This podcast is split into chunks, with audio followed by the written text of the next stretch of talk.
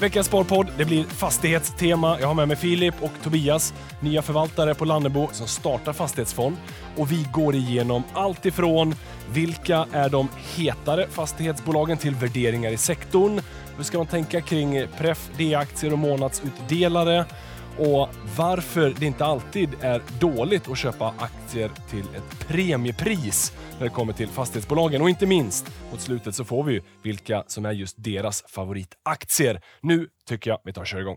Jag säger hjärtligt välkomna till Sparpodden. Denna vecka då kommer det vara tema fastighetsfokus. Jag sitter nämligen här med eh, Filip Hallberg och eh, Tobias Kaj från Lannebo fastighetsfond, en helt nystartad fond.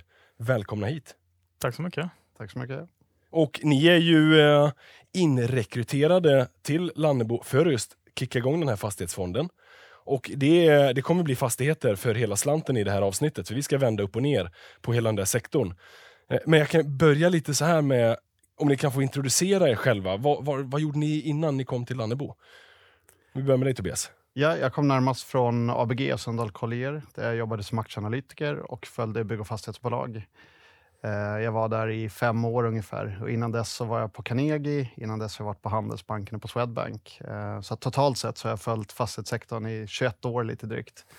Eh, så jag är nykomling som, som förvaltare, men jag har en ja. ganska lång erfarenhet av, av sektorn. Du känner att du, du kan fastighetsbranschen ganska väl? Ja, men jag tycker jag har lärt mig någonting under de här åren. Och jag tycker också att det är en fantastiskt rolig sektor att jobba i. Det är en en ynnest att få jobba i den sektorn. Det är bra att du har den inställningen, för att ha gjort det i 21 år och inte gillat det hade ju varit konstigt annars. Ja, det hade varit dumt. Ja. Men eh, kul att höra. Eh, Filip, eh, vad, vad, gjorde du innan Lannebo? Jag kommer eh, närmast från Danske Bank. Det var lite drygt två år och dessförinnan så hade jag ynnesten att jobba med Tobias på ABG så jag jobbade där ja, sedan 2015-16. Eh, så vi jobbade tillsammans i lite drygt tre och ett halvt år och följde sektorn tillsammans som, som aktieanalytiker. Så jag, jag har inte riktigt 21 års erfarenhet, eh, men, men jag hoppas att det kommer bli det till slut. Men sex år har jag jobbat och följt sektorn. Ja, det, det kommer säkerligen tiden uh, fortlöper i den riktningen så att säga. Så att, uh, ja, och det, det, är väl senare. det är väl 10 000 timmar man ska lägga va, innan man blir riktigt duktig på någonting. Och jag räknade ut min, min deppiga timstatistik på jobbet de senaste åren och då kom jag i alla fall upp i ungefär 20 000 timmar. Okej, okay. ja men det är bra. Ja. Men då har ni jobbat tillsammans tidigare. Hur, hur fungerade det? fungerade det väl? Hoppas jag. Absolut. Ja. Nej, men, eh, lite så i, innan jag kom in i bygg och fastighetssvängen, för i början på ABG när jag kom in så var jag i stort sett den enda som var lite yngre där, där och då åtminstone. Så jag, jag hjälpte till i alla sektorer. Jag var, skrev någon märklig analys på Boliden och, och hjälpte till i banksektorn och någonting i verkstad och sådär. Och sen så kom Tobias in från Carnegie. Eh, och så började vi jobba tillsammans och det, det tycker jag funkar väldigt bra. Så han är lite av min, min mentor, min, min sensei.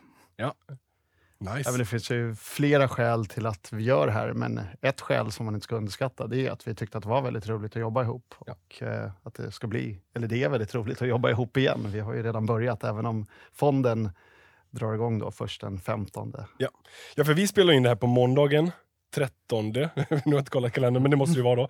Eh, och podden sänds ut här nu idag då på onsdagen den 15 när eh, den här fonden börjar handlas. Men eh, så här i september 2021, varför startar man en fastighetsfond då? Är det ett bra läge att starta? Lite ledande fråga, så det blir spännande att se vad ni svarar på den frågan. Ja, men timing är alltid svår i förhand att veta hur den blir i efterhand. Ja. Eh, och det är klart att det är lite tråkigt att sektorn har gått väldigt bra de senaste fyra fem månaderna. Eh, men å andra sidan så skulle jag säga att i varje fall 15 års tid så har jag mötts av frågan, är det inte för sent att köpa fastighetsaktier nu? De har ju gått ganska bra. Och är det inte lägre räntor som har drivit det här och nu kan inte räntorna falla så mycket till? Så att vi tror fortfarande att det kommer vara en jätteintressant produkt. Eh, vad som händer på börsen imorgon har vi ingen åsikt om egentligen.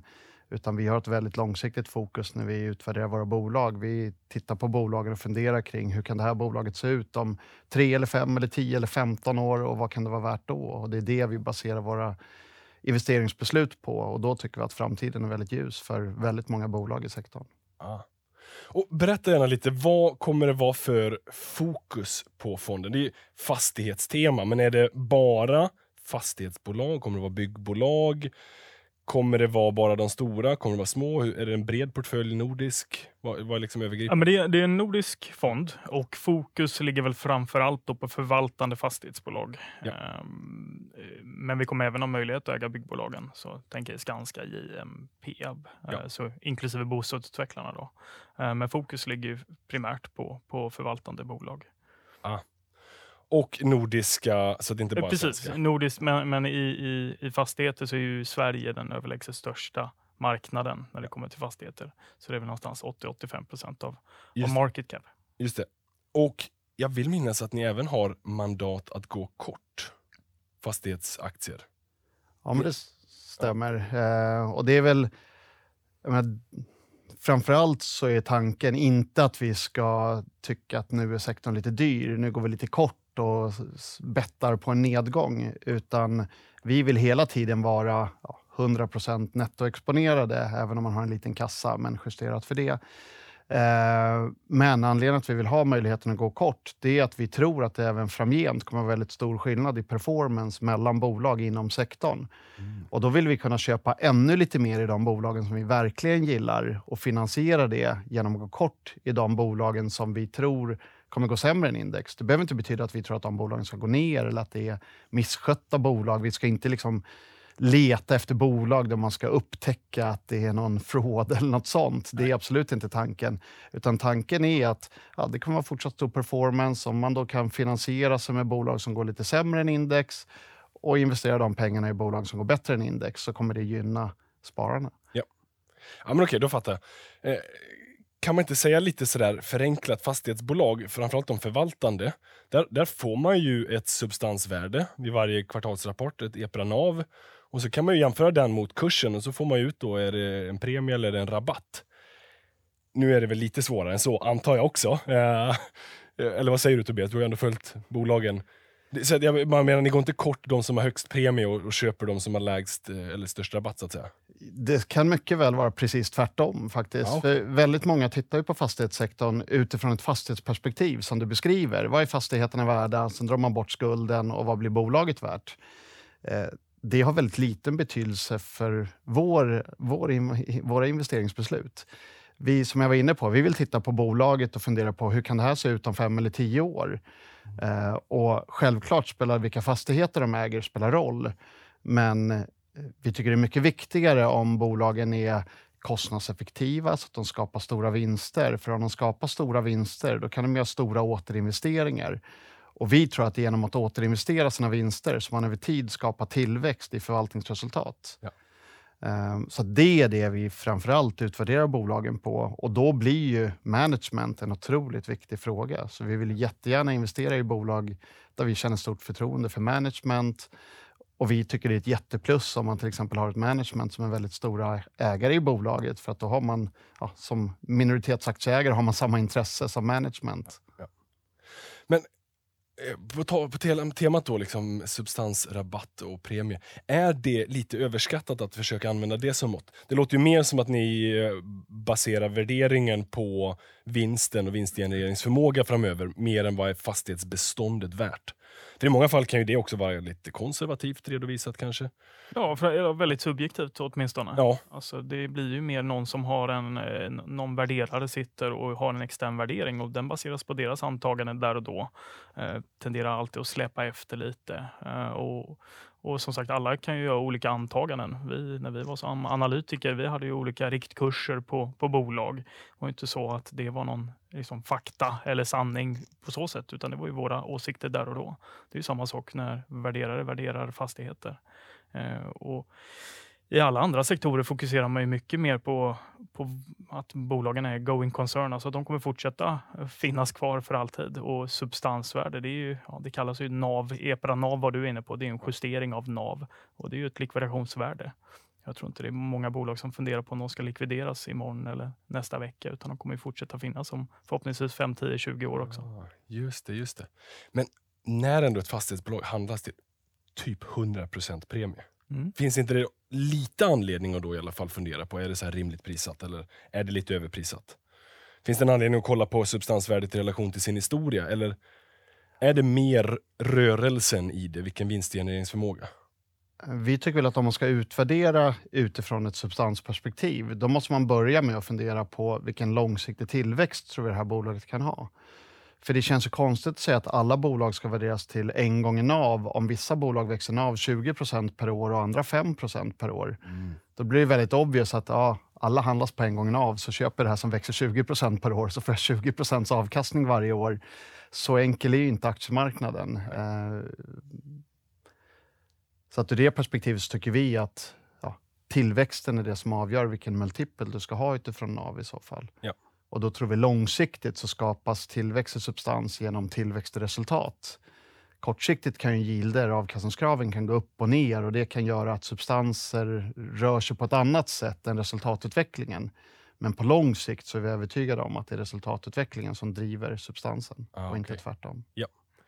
Bra medskick för den som vill investera i fastighetsbolag. Men vad skulle ni säga då om sektorn just nu? Är det, om, man, om man ens kan göra ett sånt över en kamvärdering. Men, men vart upplever ni det är bra värderingar, alltså schyssta i priser just nu? Eller vart är det lite dyrare och vart är det kanske eh, billigt men rimligt? Eller så här, det finns en anledning varför det är billigt, för det går lite sämre. Hur, hur ser ni liksom på fastighetssektorn just nu?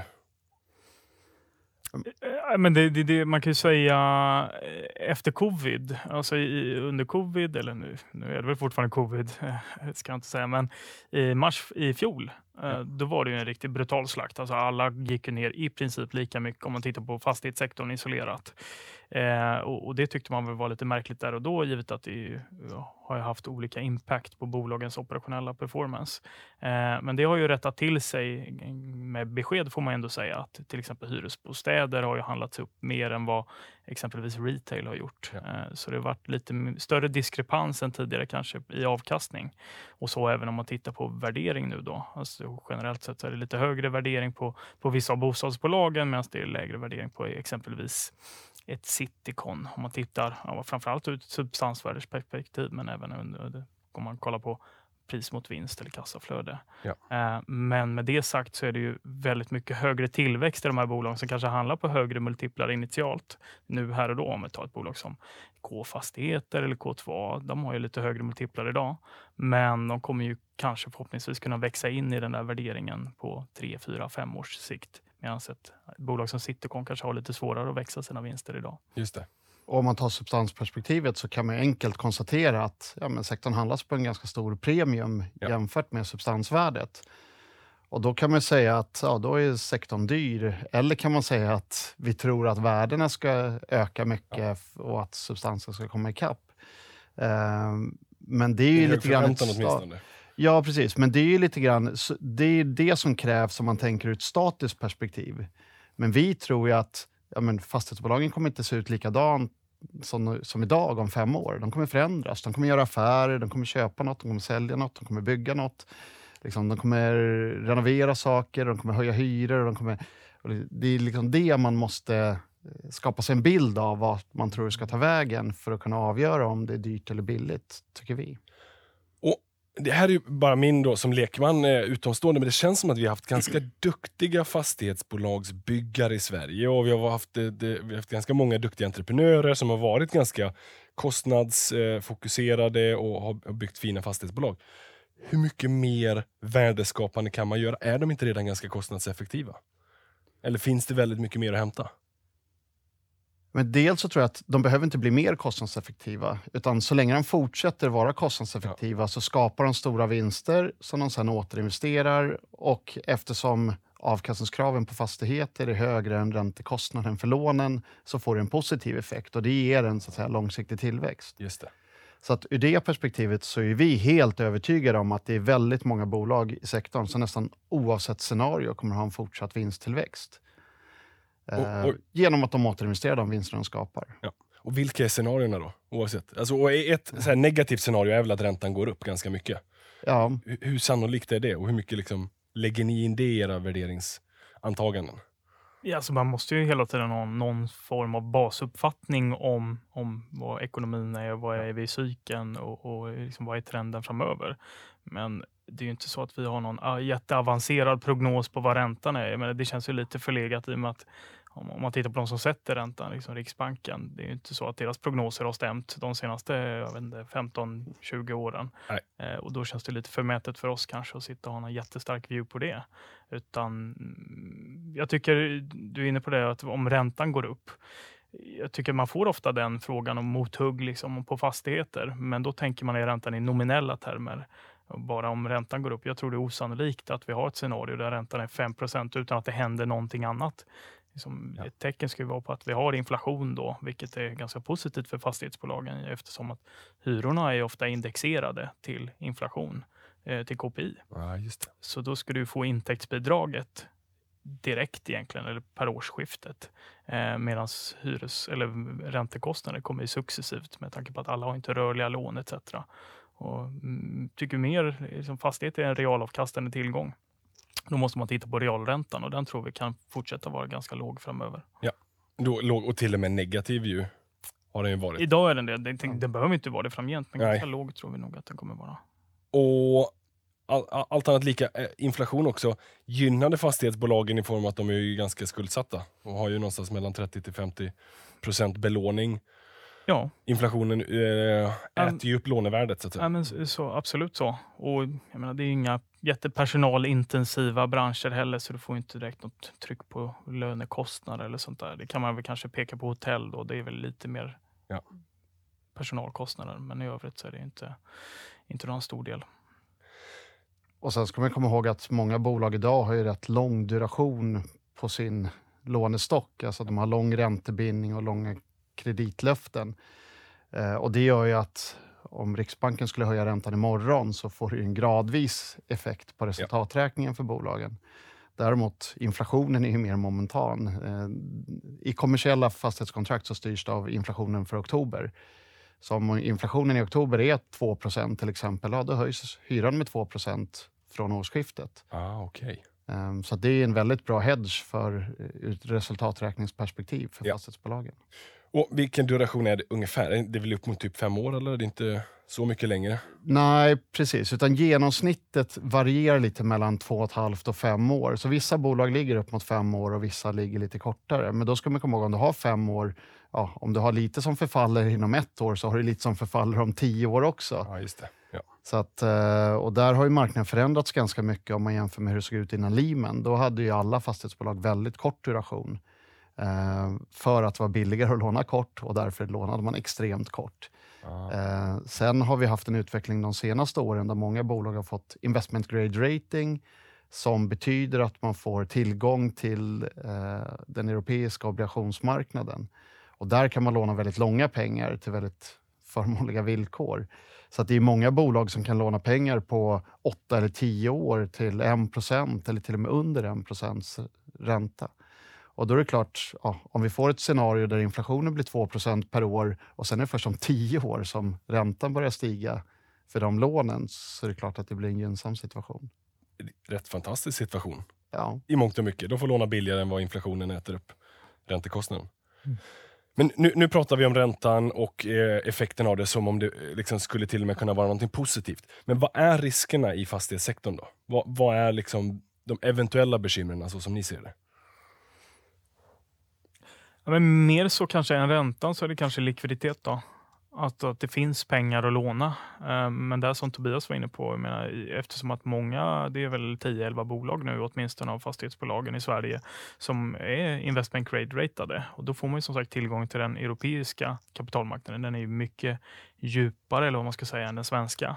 Den svenska obligationsmarknaden är förhållandevis liten, även fast den har växt ganska kraftigt de senaste 5-6 åren. Eh, men det är ju tillgång till kapital som, som jag skulle säga är liksom den största risken.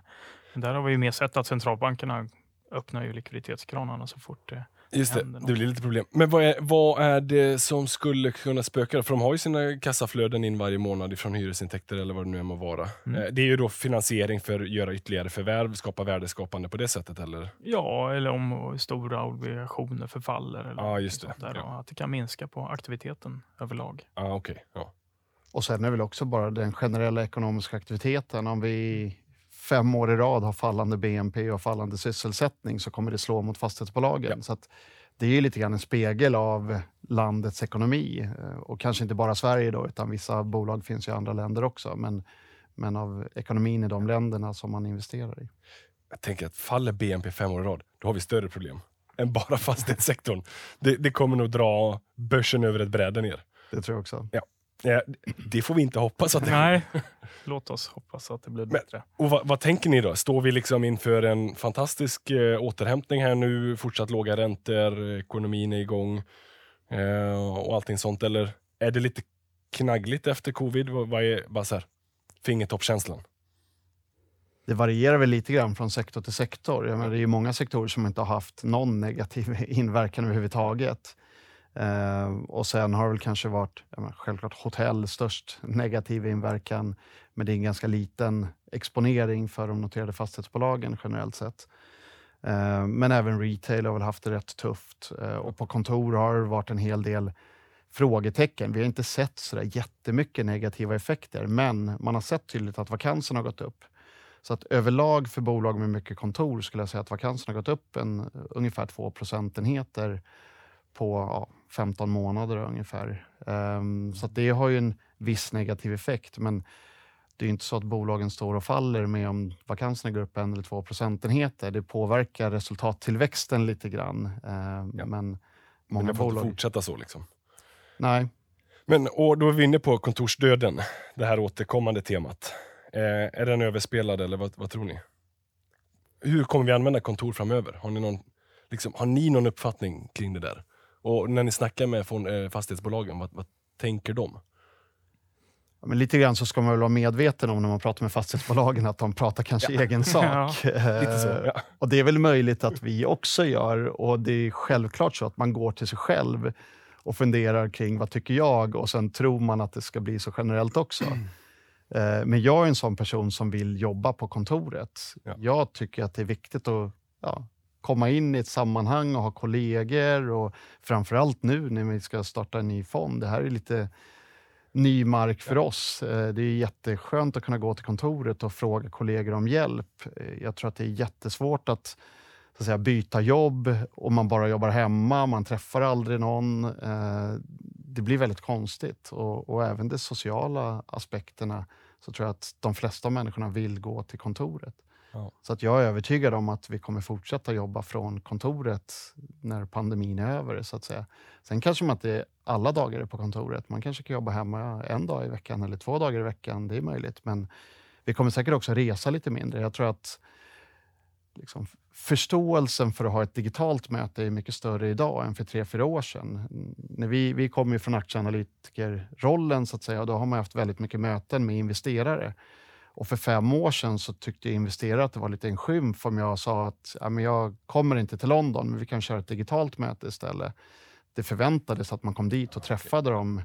Men idag så tror jag att det är en mycket större acceptans för att man, man har digitala möten. Och speciellt om man ja, åker till eh, kanske Köpenhamn för att ha två möten och sen flyger man hem igen. Det går en hel dag. Det är väldigt oeffektivt. Ja. Då tror jag att mycket mer kommer att bli från kontoret Eh, och det gör att vi kanske är lika mycket på kontoret framgent som vi har varit historiskt. Bara det att vi jobbar lite mer hemma, vi reser lite mindre.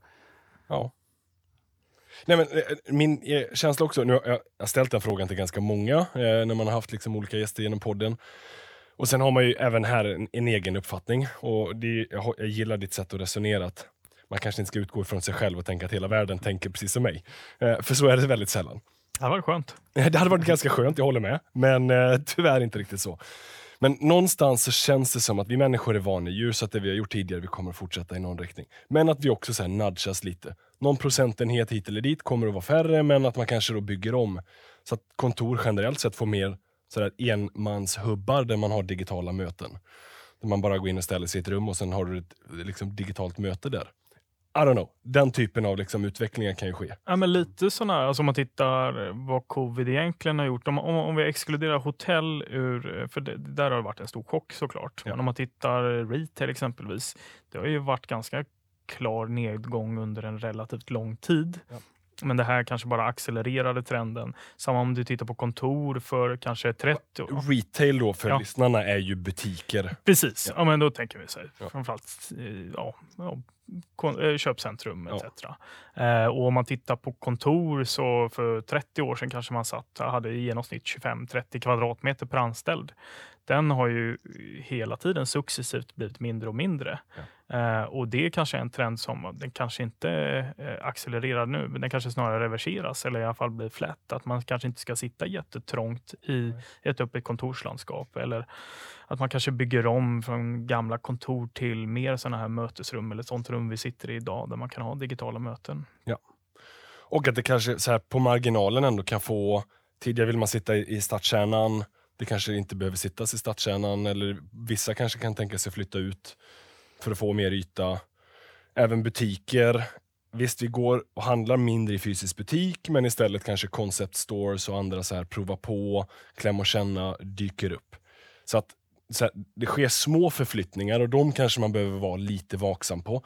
Men att tänka så här, ah, hälften av alla kontorsytor kommer inte användas igen. Jag tror att det är en ganska dum tanke att ha. Att vi kommer ha radikala förändringar. Det tror jag också. Och om man ska ta med sig att när vi gick in i covidkrisen, så eh, Sverige var ju ändå ett av de länderna i, i Europa åtminstone som hade absolut högst andel av folk som jobbade hemma redan innan pandemin. Vi låg ju klart över Europasnittet. Och, eh, och om man tittar på om man pratar om beläggningsgrad kanske på kontor generellt på en global nivå så låg det på någonstans 65-70 procent en vanlig arbetsvecka.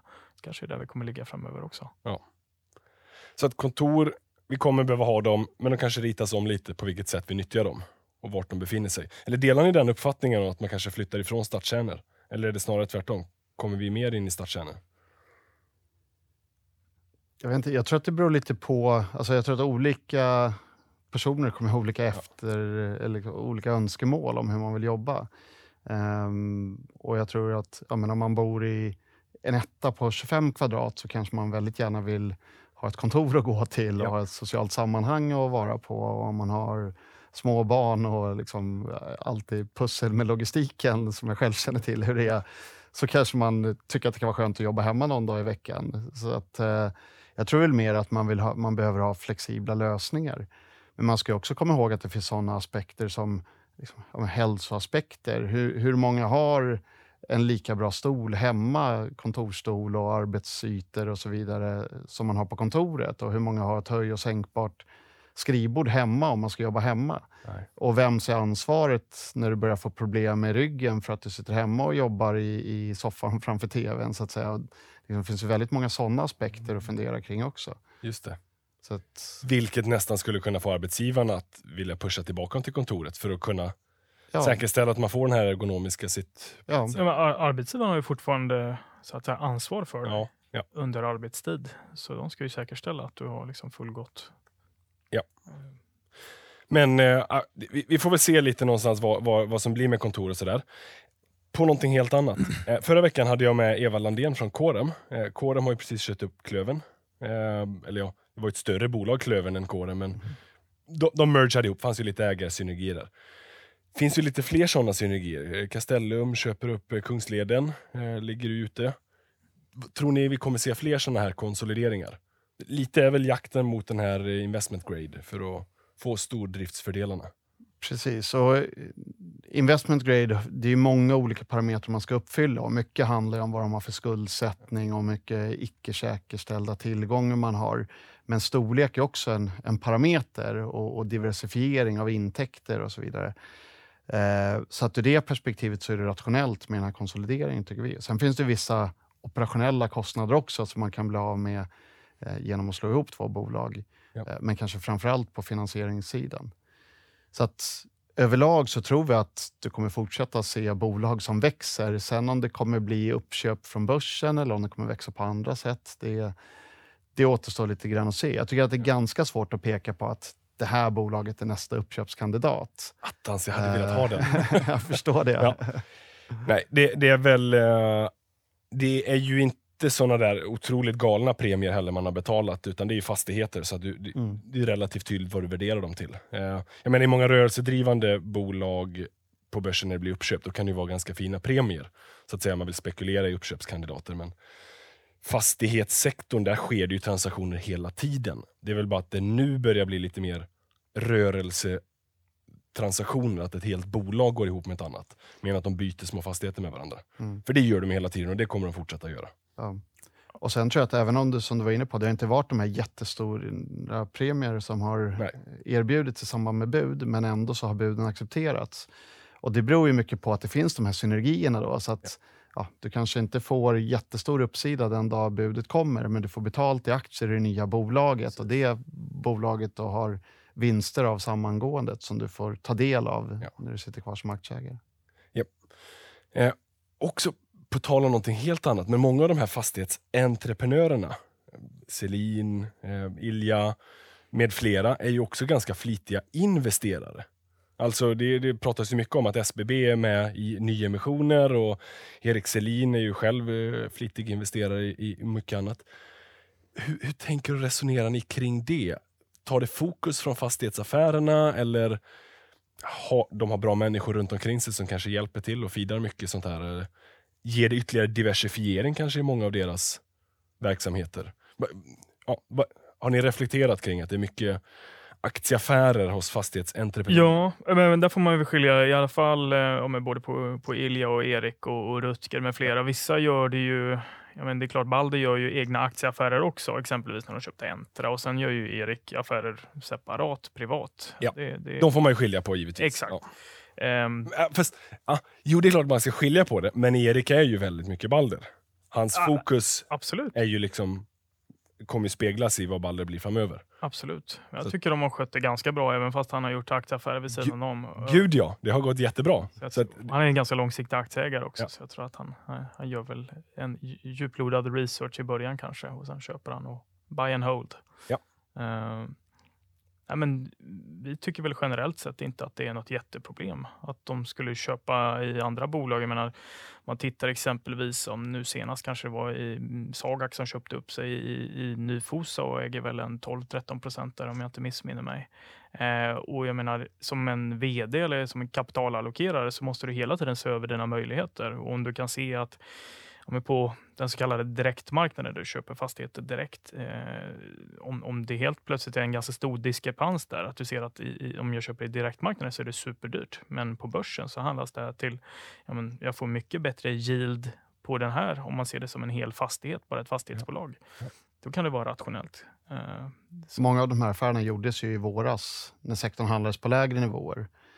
Eh, Så det är också ett exempel på att eh, det är inte eller våran bild i alla fall, att det inte är så att ja, men det, hand, det är väldigt mycket maktpositionering om man köper för att bli större och så vidare, utan det är hela tiden rationell allokering av det kapital man har. Och om det är billigare att köpa ett noterat bolag, då gör man det. Om det är billigare att köpa i direktmarknaden, då gör man det. Ja. Eh, Men framförallt om man tar en person som, om man tar Balder och Erik Selin, så han äger väl 36 procent av Balder. Så det är viktigt för honom att det blir en bra affär. Han, han gör det ju inte för att han, ja, bara för att Balder ska bli större eller mäktigare eller så vidare, utan det handlar ju om att han vill få avkastning på, på pengarna som han har investerat i Balder från början. Och så är det är ju sant för alla de här bolagen egentligen. Alltså om du tar ett eh, ja, men med Rutger och med eh, David Mindus i Sagax. Alltså alla de är ju storägare i bolagen som har gjort affärerna också och Ilja för den delen. Så det är ju viktigt för dem att det blir bra affärer såklart. Nej, men det, är, eh, det är ju det man ska bedöma dem på, hur duktiga kapitalallokerare de är. För det är ju det som är den framgång, det är framgångsfaktorn om de lyckas ta kapitalet och allokera rätt. Absolut. Och jag, jag håller med att eh, det, det är ju rationellt att hela tiden se över vilka investeringsmöjligheter har jag. Inte bara göra fastighetstransaktioner utan också se. För det är, det är många av fastighetsbolagen har ju aktieäganden i varandra. Mm. De hänger ihop en del. Ja, men, KRM och Klövern har ju ägt lite varandra och nu slår man ihop och sen nya KRM äger ju en del av Castellum. Och, ja, det finns många sådana där liksom, ägarsynergier. Precis, och på det temat så gillar vi, ja, vi gillar till exempel Balder som säger att ja, men vi kan köpa både kontor, eller bostäder eller hotell eller liksom många olika kategorier och man finns i många olika städer i Sverige. Man finns i både Finland, och Norge och Danmark och man har till och med någon fastighet, några fastigheter i London.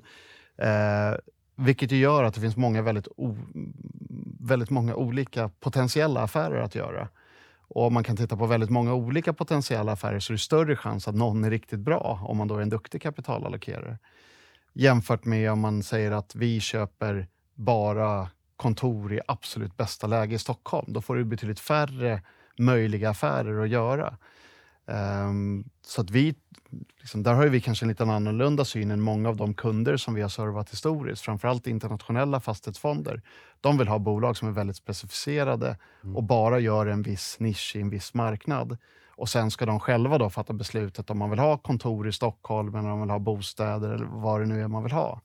Medan vi gillar de här bolagen som förutsättningslöst tittar på allting och, och så att säga, hoppas göra de bästa affärerna för, för aktieägarnas räkning. Varför tror du att man har velat ha de här nischade? Och varför? För du upplever att det finns en del bolag som är ganska nischade också. Som har bara valt hotellfastigheter eller mm, liksom liksom citynära kontorslägen eller retail. Varför har man velat ha de här nischade? För, för, för mig låter det mycket mer rationellt att bara ha ett öppet bräde. Det är vad börsen är.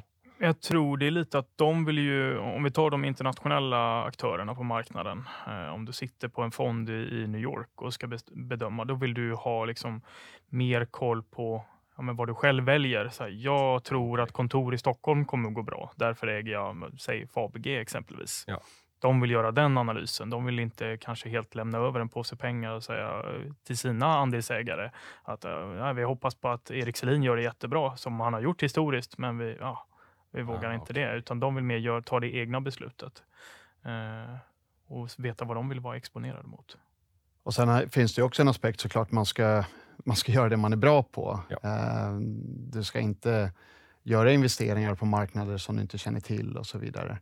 Eh, samtidigt så tror vi att det finns förutsättningar för att ha liksom, kunna både Göteborg och Stockholm till exempel, eller kunna både kontor och bostäder. Så ja. det är inte, jag vet inte, det kanske inte är extremt komplicerade produkter eh, så att det går, att, går att ha kunskap om, om olika delar i ett och samma bolag. Ja, det, det är inte riktigt natt och dag, utan Nej. det är ändå lite i samma riktning. Eh, och någonstans, Jag gillar också den här approachen som ni sa i början, att ja, men, hitta bolag med bra management. Med management som äger mycket, har goda incitament och bra track record på att göra schyssta affärer. Det, ofta är, behöver det inte mycket mer än så. Utan Nej, verkligen inte. Då löser det mesta sig. Ja, och vi tycker de är fantastiskt duktiga kapitalallokerare och vi tycker inte riktigt de får cred kanske i den mån som vi tycker de ska ha det. För att vilka fantastiska entreprenörer de har varit. Jag menar, I fastigheter så brukar man ofta slentrianmässigt säga att ja, det är bara för räntan har kommit ner. Men det är fortfarande en extremt stor diskrepans mellan bolagens performance, alltså både operationellt och sen om du tittar på aktiekursutveckling. Och det tror vi mycket kommer från de här ja. fantastiska kapitalallokerarna. Sen är det ju, det har ju varit en fantastisk tid med låga räntor, lätt att kunna låna upp och belåna sig och göra schyssta affärer. Den dagen det inte är riktigt lika enkelt så kanske inte man kan förvänta sig samma Ja, jag tror inte det, är någon, det är nog inte någon som räknar med samma historiska tillväxttakt nej. i, i bolagen. Det, det, har jag svårt att se. Eh, nej, eh, på någonting helt annat. Preffar och D-aktier. Framförallt D-aktier är ju lite spännande nytt fenomen. Eh, det känns som en typisk sånt här fastighetssektor förteelse. Först kom preferensaktierna för typ 7-10 år sedan eller någonting. Och sen någon, något fastighetsbolag började göra det och så alla kikar på det och så inser alla att det här var ett bra sätt att resa kapital och så gör de flesta det. Och nu känns det som att D-aktier börjar få lite grogrund. Jag tror Erik Selin kallar dem för David-aktier eftersom det var David Mindus som ja. först. vad, vad är eran take eh, på ja, men Pref och D-aktier? Är det, kommer, ni ha, kommer ni äga dem? Vad, vad tycker ni liksom om dem generellt sett? Det beror lite på ur vilket perspektiv man tar. Ehm, dels kan man säga att om du köper en D-aktie och får 6 eller kanske till och med 6,5 procents årlig kupong på den så är det en väldigt hög nivå jämfört med att köpa en obligation. Om man tar då Sagax som ett exempel så är det över 6 procents årlig utdelning på D-aktien. Om du istället köper en icke säkerställd obligation som då är nästa steg i, i deras balansräkning riskmässigt så får du under 1% på den. Um, ja. Och ur det perspektivet så skulle jag, om, om jag hade tagit mina egna pengar så hade jag kanske hellre köpt D-aktien än obligationen. Om jag, jag tar lite mer risk men jag får sex gånger så hög avkastning. Eh, däremot så tror jag kanske att den traditionella stamaktien kommer ge mer än 6% årlig ja. avkastning och då köper jag hellre den. Eh, och I bolagets perspektiv så ser jag det som, där kan man också ha den här diskussionen, är det ett dyrt lån eller är det billigt eget kapital? Eh, men i min värld så är skillnaden mellan lån och eget kapital det är att lån måste man refinansiera. Det, det har en löptid. Vid någon tidpunkt så ska du betala tillbaka de pengarna eller komma överens på nytt om att få fortsätta låna dem. Men eget kapital, det är en evig, ett evigt instrument. Mm. Så du behöver aldrig återbetala. Och det, så är det med D-aktier. Du behöver aldrig, bolagen behöver aldrig betala tillbaka dem till aktieägarna. De behöver bara betala en årlig utdelning för dem. Eh, och om man tittar på Sagax som är ett bolag som kanske haft 25-30 procents årlig return on equity, alltså avkastning på eget kapital. Eh, och om man då kan bygga en mix mellan traditionellt stamaktiekapital och D-aktier, där D-aktierna kostar 6% och du har 25 på totalen, så är det klart att det blir ännu bättre då för det traditionella stamaktiekapitalet. Så att det, det är så jag ser på det, att det är en fantastisk investering för för stamaktieägarna i Sagax att kunna emittera eget kapital till, till 6% samtidigt som man skapar det mångdubbla i avkastning på, på det totala eget, egna kapitalet. Jättebra förklarat, verkligen. Eh, och någonstans det du sätter fingret på är just, men långsiktigt, stamaktien är ju det som, då får du ta del av bolagets utveckling så att säga. För kupongjagaren så är ju de här utdelningsaktierna ganska så trevliga. Man vill ha det här kassaflödet här och nu. Men man måste kanske ha med sig då att det är ett eget kapital och kommer med de riskerna det kommer med. Mm. Eh, det såg vi många preferensaktier, D-aktier följer också ganska handlöst under covid-kraschen. Ja, det har en helt annan prisrisk än på obligationen. Ja. Den skillnaden har vi sett, som du var inne på, för ett år sedan lite drygt. Då. Den var ju gigantisk. Däremot, så är, om, du, om, du, om du är långsiktig och tänker att det spelar ingen roll vad kursen står i just idag, risken för att de inte ska betala sin utdelning, den ses som väldigt, väldigt låg. Ja. Om man tar Sagax som ett exempel så betalar de ungefär, om jag minns rätt, 260 miljoner per år i utdelning till D-aktierna. Och de tjänar mer än tio gånger så mycket totalt sett. Så att förvaltningsresultatet måste gå ner 90 procent för att det inte ska täcka utdelningen till stamaktierna. Och hittills har det aldrig gått ner. Nej, nej. Så att, då, då, ska det till ganska mycket om det ska falla 90 procent. Ja, det tror ja. jag. Det var, som du var inne på, då har vi värre problem. Då har vi värre problem. Men nu är det Sagax. Det finns ju andra bolag som kanske inte har samma finansiella muskler och så vidare. Eh, det, är ändå, det är ändå bra, tänker jag, som investerare att hela tiden förstå. Jag har, I fastighetsbolagen, fastighetsaktien, så kommer det då en liten uppsjö av olika alternativ. Du har antingen en stamaktie, eller kanske två till och med, och sen en pref och sen en D-aktie i vissa fall. Och att jag i alla fall blandar ihop preffarna och D-aktierna ganska mycket. Du har den här stabila utdelningen. Jag, jag vet ju att det, viss, det kan vara någon skillnad där i röst och det kan vara någon skillnad i vem som kommer före den andra vid likvid, likvidering. Men det är inte för likvideringen jag investerar utan det är för den här kupongen. Mm. Men ja, långsiktig rörelseutveckling, det, det är bara stamaktierna som fångar det där. I princip. Eh, ja. att, och den viktiga skillnaden mellan D-aktie och preferensaktie, det är hur ratingbolagen hanterar dem. Ja. Så det är därför man har tagit fram D-aktier istället för preferensaktier. Eh, för att mindre justeringar av villkoren gör att ratingbolagen ser det som eget kapital istället för 50% eget kapital och 50% skuld. Så det är så att säga bakgrunden till att det har kommit ytterligare ett instrument. Ja. Men det är också ett exempel på liksom att fastighetsbolagen är beredda att ompröva saker om förutsättningarna förändras. Som vi också tycker är en väldigt viktig faktor. att Ibland kan man nästan mötas av argumentet att det är alltid bättre att ha mindre skuld, för att det är risk att ha skuld. Men det håller vi absolut inte med om, utan vi tycker att varje bolag måste ständigt utvärdera förutsättningarna för deras verksamhet. Vad är den optimala belåningsgraden här och nu? Ja. Eh, och det varierar mellan bolag och det varierar mellan vart vi är i cykeln och så vidare. Men det är en fråga som är lika viktig för bolagsledningen att ta hänsyn till, till som vilka fastigheter man ska köpa till exempel. Ja. Jag håller verkligen med. Ingen skuld är inte nödvändigtvis bra. För mycket skuld kan absolut vara farligt, men ja. någonstans däremellan. Ja. Men eh, på tal om det här med rating agency och att de inte ser det som lån och så vidare. Var inte det lite anledning till varför man gjorde preffaktier? för liksom 7-10 år sedan och sen då börjar ratingbolagen justera. Jag ställde den här frågan till Eva också förra veckan från Corem, för de har ju både pref och D-aktie. Kan det inte vara så om fem år att rating agency ser det där som lån? Jag vet faktiskt inte. Det är möjligt att det kan förändras, men jag tycker att det är svårt att, att hävda att det skulle vara lån givet hur villkoren är, är konstruerade. Eh, sen, det är klart, det går inte att ta gift på att det inte kommer vara det, men du, du behöver aldrig refinansiera sig. Du har samma rätt till utdelning. Du, du har liksom inte rätt... Preferensaktierna får utdelning före de övriga stamaktieägarna. Um, så att om det inte finns att det täcker till båda, då går preferensaktierna först. Så är det inte för D-aktierna. Och då blir det väldigt svårt tycker jag att hävda att det inte är eget kapital. Ja. Ja, nej, eh, det, är, det är intressant i alla fall för den som jagar kupong. Och på tal om det, det känns som att det också är en liten trend bland fastighetsbolagen att börja dela ut mer frekvent. Vi har ju fått det här, Cibus eh, har, har ju varit börsnoterat ett tag. Första månadsutdelande aktien i Sverige. SBB gick ut här nyligen och sa att från och med nästa år ska de försöka dela ut månadsvis. Vad, vad är er take på just månadsutdelning? Eh, det, det är bara liksom, det är nollsummespel. Så spelar det någon roll hur ofta den kommer? Jag tycker för Cibus del kan man konstatera att det har haft en gynnsam effekt på kursutvecklingen. Eh, sen är det klart, man vet inte vad kursen hade gått om man inte hade fattat det beslutet. Men, men jag vill nog ändå hävda att det har haft en positiv effekt. Exakt, på kursen. Alltså ja. att investerare gillar det och därför köper aktien. Precis. Och det, ja. Så att jag håller med. Och det är det som gör det smart av ett SBB att rida på den trenden.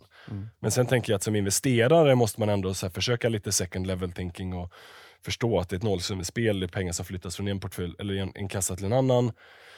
Men ja, attraherade investerare så är attraherade investerare och det Precis. skapar kapitalmöjligheter. Sådär. Däremot så är det som du är inne på, det är viktigt att skilja på om det är bra för aktiekursen eller om det är bra för bolaget. Ja. Men det kan ju vara både och. För att med en högre aktiekurs så kan det vara lättare att emittera nya aktier och räkna hem en affär som man vill göra till exempel. Ja. Um, så att ur det perspektivet ska man inte helt negligera effekten eh, om det kan påverka bolaget också. För att det, det, kan ju faktiskt vara gynnsamt om man vill emittera mer aktier. Ja. Men jag bara tänker, det är ändå nu, det känns som lite generellt sett att svenska bolag har historiskt delat ut en gång per år och sen nu har det börjat bli två gånger per år. Mycket för att det, det är lite jobbigt att slänga ut så mycket pengar vid ett, ett, tillfälle. Det är lättare att kunna allokera kapitalet. Och även månadsvis då skulle ju kunna ha lite liknande effekt. Nu beror det ju på vilket kapital det är man delar ut. Är det fjolårets vinst som du delar ut en tolftedel i december, då har du hunnit sitta på de där pengarna ytterligare ja, 12 till potentiellt sett 23 månader extra. Så att, där finns det ju möjlighet för bolagen också att skapa investeringskapitalallokeringsmöjligheter. Mm. Eh, jag, jag, vet inte, bara ett sidospår, en ut, utsvävare. Men eh, intressant att observera att många går över mot det här mer frekvent. Tror ni det fortsätter? Är det fler som kommer att försöka anamma det eller är det lite en sån här fad just nu, en liten fluga, en trend? Kan säkert komma något till. Det beror lite på vilken typ av tillgång du har också. Jag menar, som i SBB fall, de har ju extremt trygga kassaflöden från sina samhällsfastigheter och bostäder. Och, och Cibus har ju sina höggildande eh, butiker, eller vad man ska kalla dem. Mat, vad, vad kallar man det? Matvaror? Ja, Coop. Coop. Coop-butiker. Exakt. Men ni är inte intresserade av det då? För att parera in utflöden i fonden? Om ni får en liten månadskupong varje månad? Ja, Alltså, det, allting kokar igen ner till vad har bolagen för investeringsmöjligheter ja. istället. Alltså det, jag tycker mer att man ska ha så flexibel utdelningspolicy som möjligt. Om du ser ett år att ja, men nu är det jättedyrt att köpa, då kanske det är mer roligt att dela ut de pengarna. Och vice versa, om du ser att nu kan jag köpa jättemycket, då ska du inte dela ut någonting och återinvestera allting då. Ja.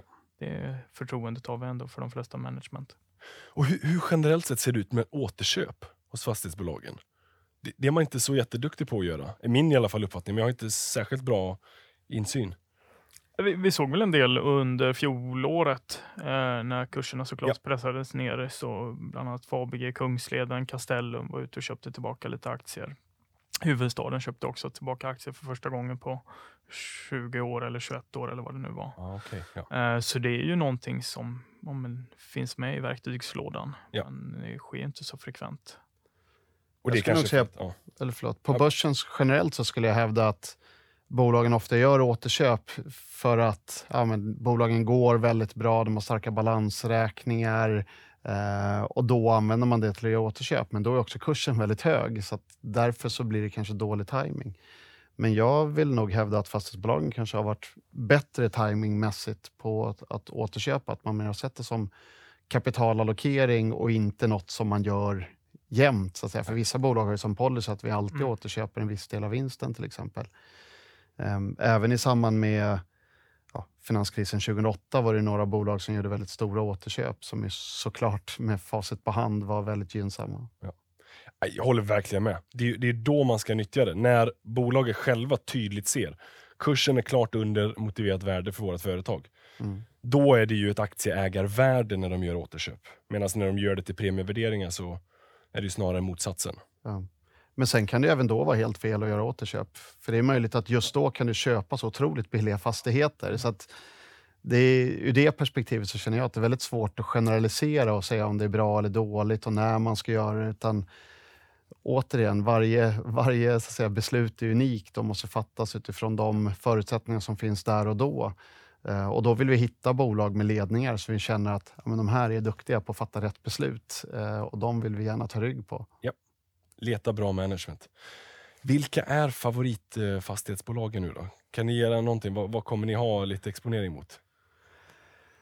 Ja, men dels så är det fortfarande ett par dagar kvar tills Ja. vi ska köpa det, så kurser kan ju förändras och ur det perspektivet är det 40% svårt att helt lova exakt hur det ska se ut. Men vi har ju, jag menar, vi har ju flera gånger nämnt eh, Balder och Sagax som, ett exempel, eller som exempel på bolag som vi tycker gör bra saker. Så att jag skulle vara väldigt förvånad om de inte finns med i, Mm. i portföljen Okej. utan att lova någonting. Ja, ja men det är bra. Ja. Eh, Men och även ett SBB och ett Nyfosa. Ja. Eh, vissa, vissa tycker att det är en negativ term att slänga sig med så att det är opportunistiska bolag eller opportunistiskt management. Det, det tycker inte vi är något fult, det är snarare något bra. Ja. Att man ser till att lägga pengarna där liksom, när möjligheterna uppstår. Att man kan vara snabb och lättfotad och göra bra transaktioner. Och det tycker vi båda de bolagen är exempel på. Men ett, huvudstaden då som är fortsatt ganska nedtryckt efter ett covid handlas till rabatter mot fastighetsbeståndet sådär men det är inte lika lockande. Jag förstår att Nej, men, kommer ju ha exponering över hela sektorn och allting sånt där Ja. också. Men, Precis, men där är väl också så här, värdering. Då säger du att det handlas på rabatt mot NAV och att det är billigt. Och det är helt sant. Eh, samtidigt om man tittar i förhållande till förvaltningsresultat så har de en av de högsta multiplarna i sektorn.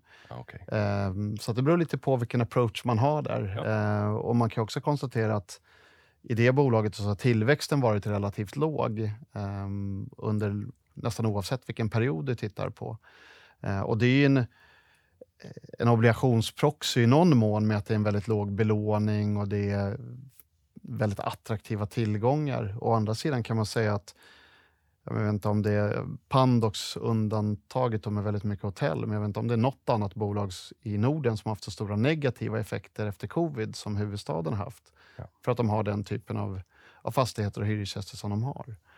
Ehm, Ja, men än en gång, det är inte så enkelt som att bara kolla på substansvärdet mot kursen. Nej, det, för jag tror att väldigt många människor är medvetna om eh, att klarar av att läsa vad var substansen och sen kan man, kan man titta på vad är kursen och så kan man se att det är en skillnad däremellan. Om, om det var det som styrde vilka bolag som blev vinnare över tid, då, då tror jag att det hade inte fin- då hade alla handlats på en gång. NAV, Ja. Men Då hade inte du behövt 21 år i sektorn. Nej. Nej. Spännande. Det, det ska bli jättekul att följa den här fonden. Jag vet också att det ska dyka upp en till fond. Ni startar den här, det kommer ju vara en vanlig eh, dagligt handlad fond, kommer finnas på Nordnet och fondplattformar. även sen- på Lannebo. Även på Lannebo, lannebo.se. Men sen kommer ni starta en till fastighetsfond. Vad, vad kommer vara skillnaden på de här två? Eh, Det som kommer vara primära skillnaden är att den är månadsvis handlad Eh, och kommer vara, ges möjligheten att vara lite mer spetsig. Den kommer ha samma mandat, det vill säga nordiska sektorn. och eh, möjlighet att gå långt kort. Eh, men sen kommer den kunna vara lite mer spetsig. I den här dagligt handlade fonden så har vi som regel då, alltså de här 5, 10, 40 reglerna som man kallar dem. Eh, det vill säga positionens storlek och portföljens totala koncentration. Det här kommer kunna vara lite mer spetsig, så man kunna, kommer kunna vara lite ännu mer då lång i bolagen som, som vi verkligen tror på, som där kanske likviditeten inte är lika bra etc. Ja, okej, okay. lite mer spetsig helt enkelt. Mm. Och det är anledningen är månadshandel då och det är så att man måste 15 dagar i förväg annonsera om man vill ta ut pengar eh, för att vi ska kunna ha större exponeringar mot mindre likvida bolag eh, har också lite bakgrund av att Finansinspektionen ställer väldigt mycket krav nu på likviditet i, i fonder och att man kan titta på historisk likviditet och säga att ja, om vi skulle få 20% uttag i fonden så ska vi kunna hantera det. Ah, okay. um, ehm, och Det är bakgrunden att vi vill ha en månads vishandlad fond för att kunna ha stora investeringar i mindre bolag och mindre likvida, likvida bolag, men där vi tror att det finns en väldigt bra kurspotential. Ja. Men det är aktieexponering, inte obligation, utan aktier? Det finns möjlighet, möjlighet att ha en viss del av fonden i, i andra instrument också, men tanken är att vi ska ha eh, aktie, investeringar. Det kan ju dyka upp en situation i ett bolag där man ska ha någon form av bryggfinansiering. Det kommer ut en konvertibel som ska konverteras till aktier. Då kanske vi kan känna att ja, men det här är något som vi vill vara med på om det är ett bolag som vi äger sedan tidigare och som vi gillar och så vidare. Så därför är det bra att ha ett mandat att kunna göra lite andra saker också. Men tanken är att hitta så att säga, de aktier som vi tror mest på. Fantastiskt. Det summerar väldigt väl det här Sparpodden-avsnittet. Tobias, eh, Filip, stort tack för att ni kom hit och delade era tankar kring fastighetsaktier. Tack så mycket. Tack så mycket att få komma. Det var en rolig debut i poddsammanhang. Första podden dessutom för er båda. Podden. Ära att få ha er här i Sparpodden och eh, jag önskar er all lycka till med eh, fastighetsfonderna framöver. Tack så mycket. Tackar. Och till er lyssnare, ni vet att vi hörs och ses igen nästa vecka. Ciao!